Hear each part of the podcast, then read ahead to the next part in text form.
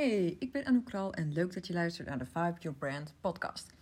En vandaag wil ik het met je hebben over knopen doorhakken. Want uh, eigenlijk kun je dat al zien in het dagelijks leven. Dat, um, ik, dat er heel veel ondernemers zijn die, die maar in de details blijven vastzitten.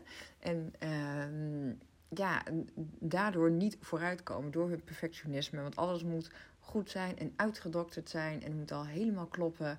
Um, en uiteindelijk gebeurt er dus niks.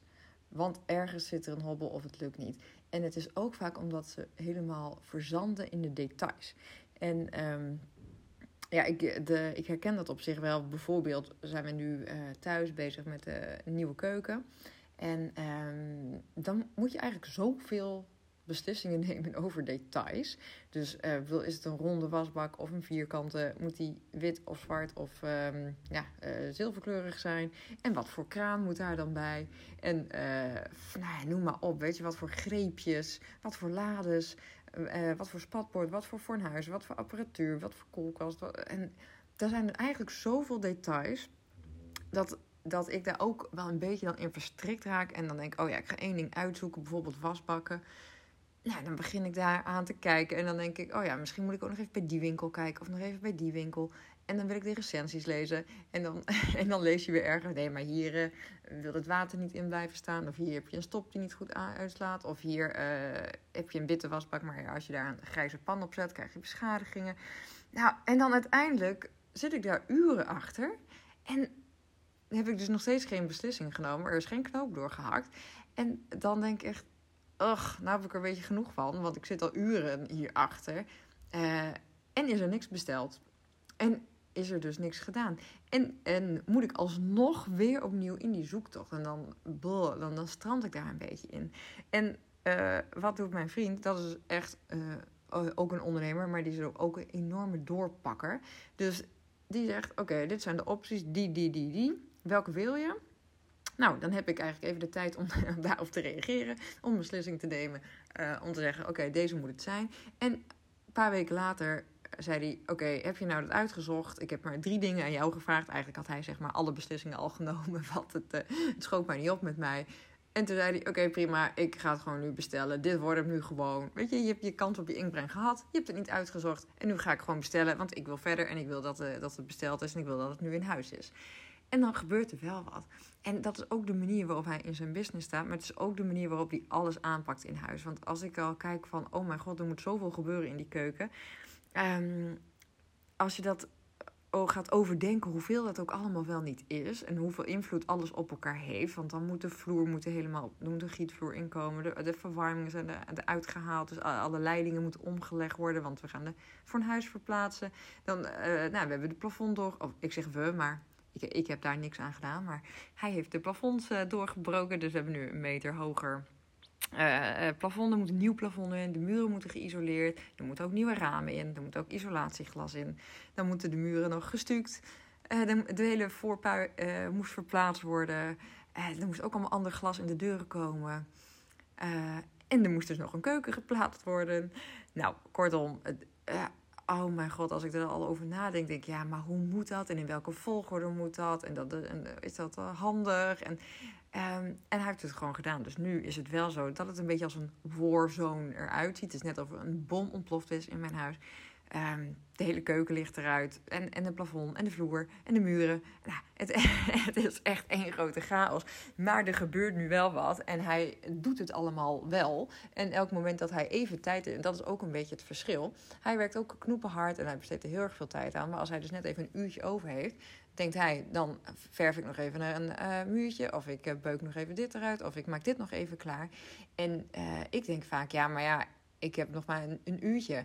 Dus voordat ik dan ga verven, of een heel kozijn ga verven, ja, weet je, dan moet ik het eerst allemaal klaarmaken. En dat, dan, dan trek ik liever even apart een dag, plan ik nog wel even een dag voor in en dan ga ik dat doen. Dat zei ik namelijk ook toen wij uh, twaalf nieuwe ramen kregen, of ja, um, uh, isolatieglas kregen in de woonkamer. Nou, dat zijn hele grote ramen. Daarboven zitten allemaal kleine vakjes. Dus er waren 150 van die kleine vierkante vakjes. Er moesten dus ook allemaal nieuwe kozijnen in. Ehm, en toen zei ik, ja, nou, dat ga, ik ga dat wel verven. ik heb het dus twee jaar verder. Ik heb niks geverfd. Ik heb niet één kozijn geverfd.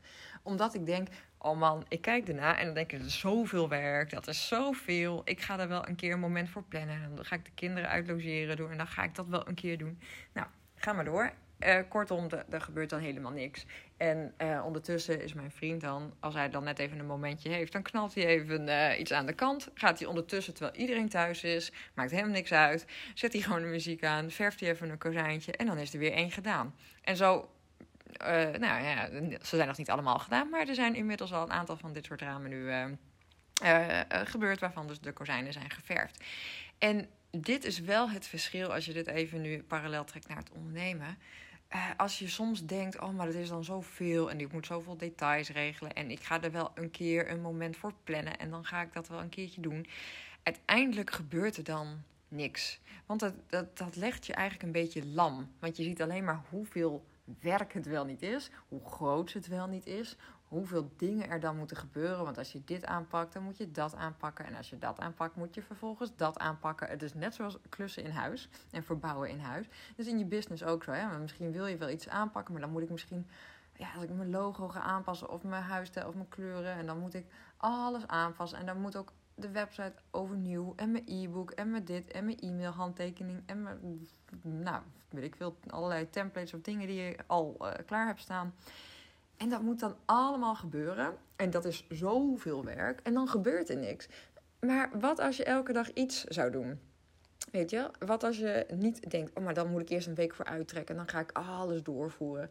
Maar wat als je denkt, hé, maar daar heb ik een uurtje. Dat uurtje ga ik besteden aan één pagina alvast hiervan klaarmaken. Of dat alvast doen. Of, want wat als je dat elke dag een uurtje voor zou gaan zitten? Wat had je dan over een week of over twee weken of over drie weken? Misschien staat het dan wel.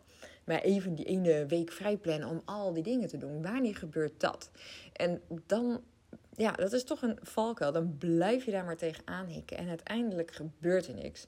Dus denk, en dit is ook mijn valkuil, want ik bedoel, uh, dat zie je in het klussen. Dan ben ik dus blij dat ik zo'n zo iemand uh, naast mij heb, die dan gewoon ja, wel een beetje met de bottenbijl de beuk erin gooit. Maar dan gebeurt er dus wel iets. En ik weet dus nu ook dat ik nog even een paar weken in de stof en in de rotzooi zit en in de puin. Maar uh, als we een paar weken verder zijn, dan heb ik straks een briljant grote, nieuwe, mooie keuken.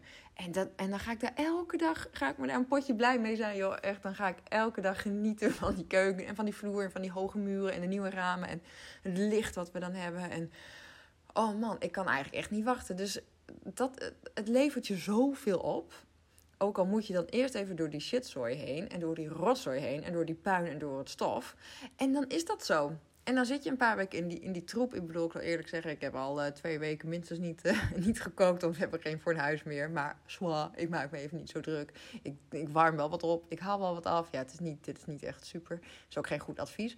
Maar weet je, je roeit wel met de riemen die je hebt. En straks kijk je op terug en denk je, ja, oké, dat was even lastig. Maar oké, ik heb het gedaan en nu heb ik heel veel plezier ervan. En zo moet je in je business eigenlijk ook kijken. Als je dus denkt, ik wil iets doorvoeren, maar oh mijn god, als ik hier aan ga beginnen, dan moet ik dit doen en dat en dat en dat en dat. Dan gaat het zo belemmerend op je werken dat je gewoon die stappen niet meer gaat zetten. Dus uh, let it go. Zit dan maar even in die shitzooi. Ga maar even door het stof heen. Dan heb je even een paar weken prut. En daarna ziet het er gewoon fabulous uit. Dus um, Go, go, go. Hou je niet tegen. Kom in beweging. En als je dan iemand nodig hebt die jou gewoon even een schop onder de kont moet geven. Want zoals ik dat ook heel vaak bij andere ondernemers doe, heb ik dat thuis dus ook nodig. Dat iemand mij weer een schop onder de kont geeft. Ja, zo is het toch, hè? De merkactivator die zich thuis weer moet laten activeren. Dus, kan niet in alles uitblinken. Hebben niet de echte domestic type, om maar te zeggen. Dus als je iemand nodig hebt, vraag dan een schop onder de kont aan iemand en zorg dat je in beweging komt. Ja? Go do it.